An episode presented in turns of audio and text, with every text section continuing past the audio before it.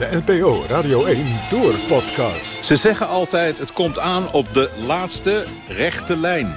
Die van vandaag is 4000 meter lang.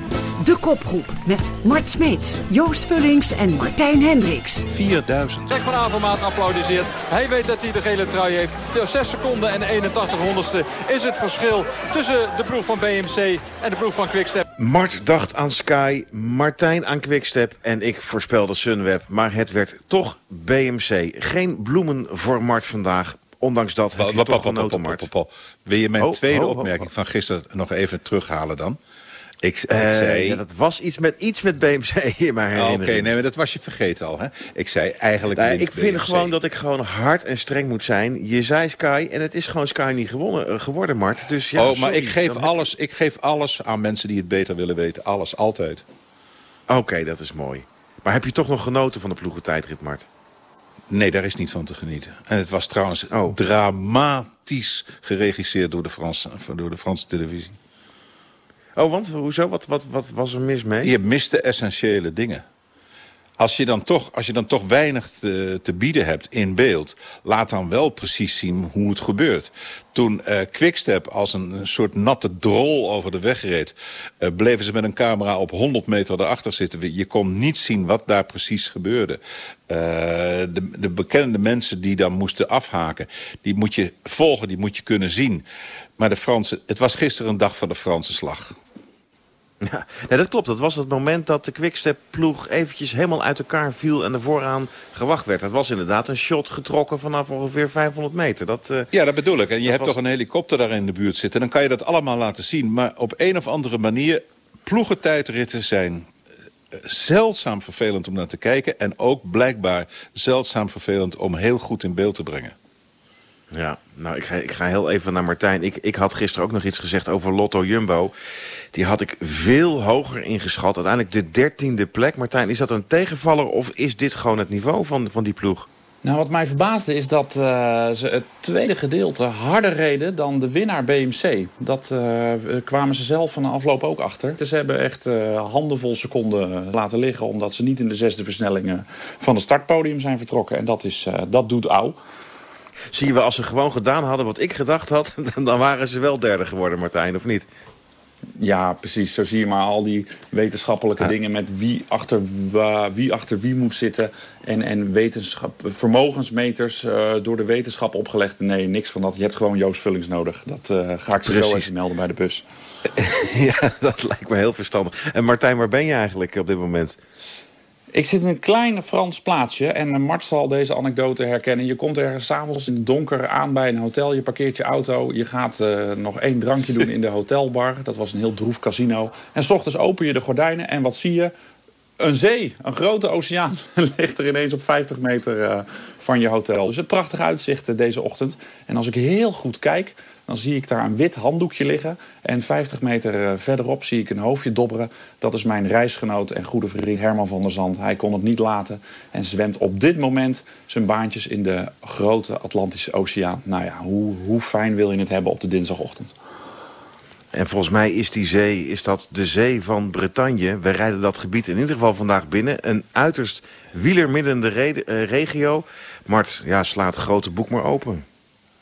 Ehm, Bretagne is Bernard Hinault. 40 jaar geleden won hij zijn eerste ronde van Frankrijk. Dus dacht iedereen, nu gaan ze van de ASO wel denken aan het eh, inviteren van een Bretonse ploeg. Maar oh nee, dat gebeurde dus niet. Er is er maar eentje, een Bretonse ploeg, met die eh, kleine sprinter Coccard eh, in dienst. En tot eh, chagrijn van heel Bretagne is juist die ploeg niet uitgenodigd. Nou, dat is, dat is punt 1. Dat, dat, dat kunnen de Bretonnen, Asterix, Obelix en al hun nazaten... die kunnen dat niet hebben. Dus die zijn heel erg boos op de ASO. Weliswaar mogen ze drie dagen daar rondrijden... maar geen Bretonse ploeg. Voor die Bretonse ploeg, mind werd Wanti... die eh, Belgische eh, ploeg eh, ingehuurd. Die maken het op zich best waar. Die rijden best aardig. die, die sprinten aardig mee. Dus wat dat betreft Het is de eerste week. onaardige... Oh ja, ja. Maar ja, met dat Bretonse ploegje... Ja, wat had dat dan gepresteerd, Mart? Niets, maar het is wel een Franse ploeg. En het is, kijk, het is, Ja. Breta- Bretagne is per definitie een uh, heel belangrijk onderdeel van het Franse wielrennen altijd geweest. Ze hebben zelfs een aparte wielerbond in Bretagne. Ze zijn, uh, met alles zijn ze vrij apart Bretonnen. Het zijn uh, zeg maar de Friese van Frankrijk. En dat, dat, willen ze ook heel graag weten. En dat dat, hoe heet het, die ploeg ook weer Martijn? Vital concept, hè? Ja. Um, dat hij geen uitnodiging heeft gekregen, dat vinden ze heel, heel erg. Zit, zit er wel een speerpunten richten op uh, Warren Barguil natuurlijk. Hè. Dat is de grote Bretonse held die vorig jaar uh, de bolletrui veroverde... en twee etappes voor Sunweb uh, in het laadje wist te brengen. hij rijdt nu wel voor een klein Frans ploegje, Team Fortuneo. Maar als je de komende drie dagen op de weg overal Wawa ziet... dan is dat voor Warren Barguil een klein Frans manneke... die in het voorjaar zich nog nergens heeft laten zien. Op geen en geen benen heeft en geen benen. Maar het zal me niks verbazen als hij de komende de 2,5 week die ons nog rest... Uh, de, weer de held van Frankrijk wordt. Mart, is, is het ook een politiek besluit om geen Bretons ploegje uit te nodigen? Uh, dat weet ik eigenlijk niet. Daar zou ik je niet over kunnen zeggen. Er zit wel een ander politiek klein dingetje in. Um, de, de, de, tegenstanders van de ASO en de tegenstanders van Prudhomme... die hebben uitgemaakt dat het, uh, het aanwijzen van Sarzo, de finishplaats van vandaag... dat dat uh, niet geheel uh, toevallig is. Want die Lapartien, de voorzitter van de UCI, die is daar burgemeester. Nou Aha. is het in het, ja, maar nou is het in het voordeel van, uh, van de ASO... dat de aanwijzing van Sarzo al eerder gebeurd was... dan dat Lapartien voorzitter van de UCI was. Maar hij was natuurlijk al wel uh, bestuurslid. Wat echter hele goede journalisten in Frankrijk ook opgemerkt hebben... is dat gisteren in Cholet werd er uh, ook uh, gearriveerd in een plaats waar een burgemeester was... die iets met Prudhomme te maken had. Want let op, Gilles Bordulex is burgemeester van Cholet... en is de zwager van de heer Prudhomme. Kijk, zo zit politiek in elkaar, Joost. En dat moet ja. jij snappen. Ja, dat, dat, dat, dat, snap ik. Maar trouwens, Bernard Hinault, ook een Breton... die stond jarenlang op dat, op dat podium. Mocht hij altijd uh, ja, de winnaar de hand schudden... en daarna stelde hij uh, de winnaar voor aan de plaatselijke uh, notabelen. Die rol heeft ja. hij toch niet meer, Mart? Nee, ze hebben hem in 2016 met pensioen gestuurd.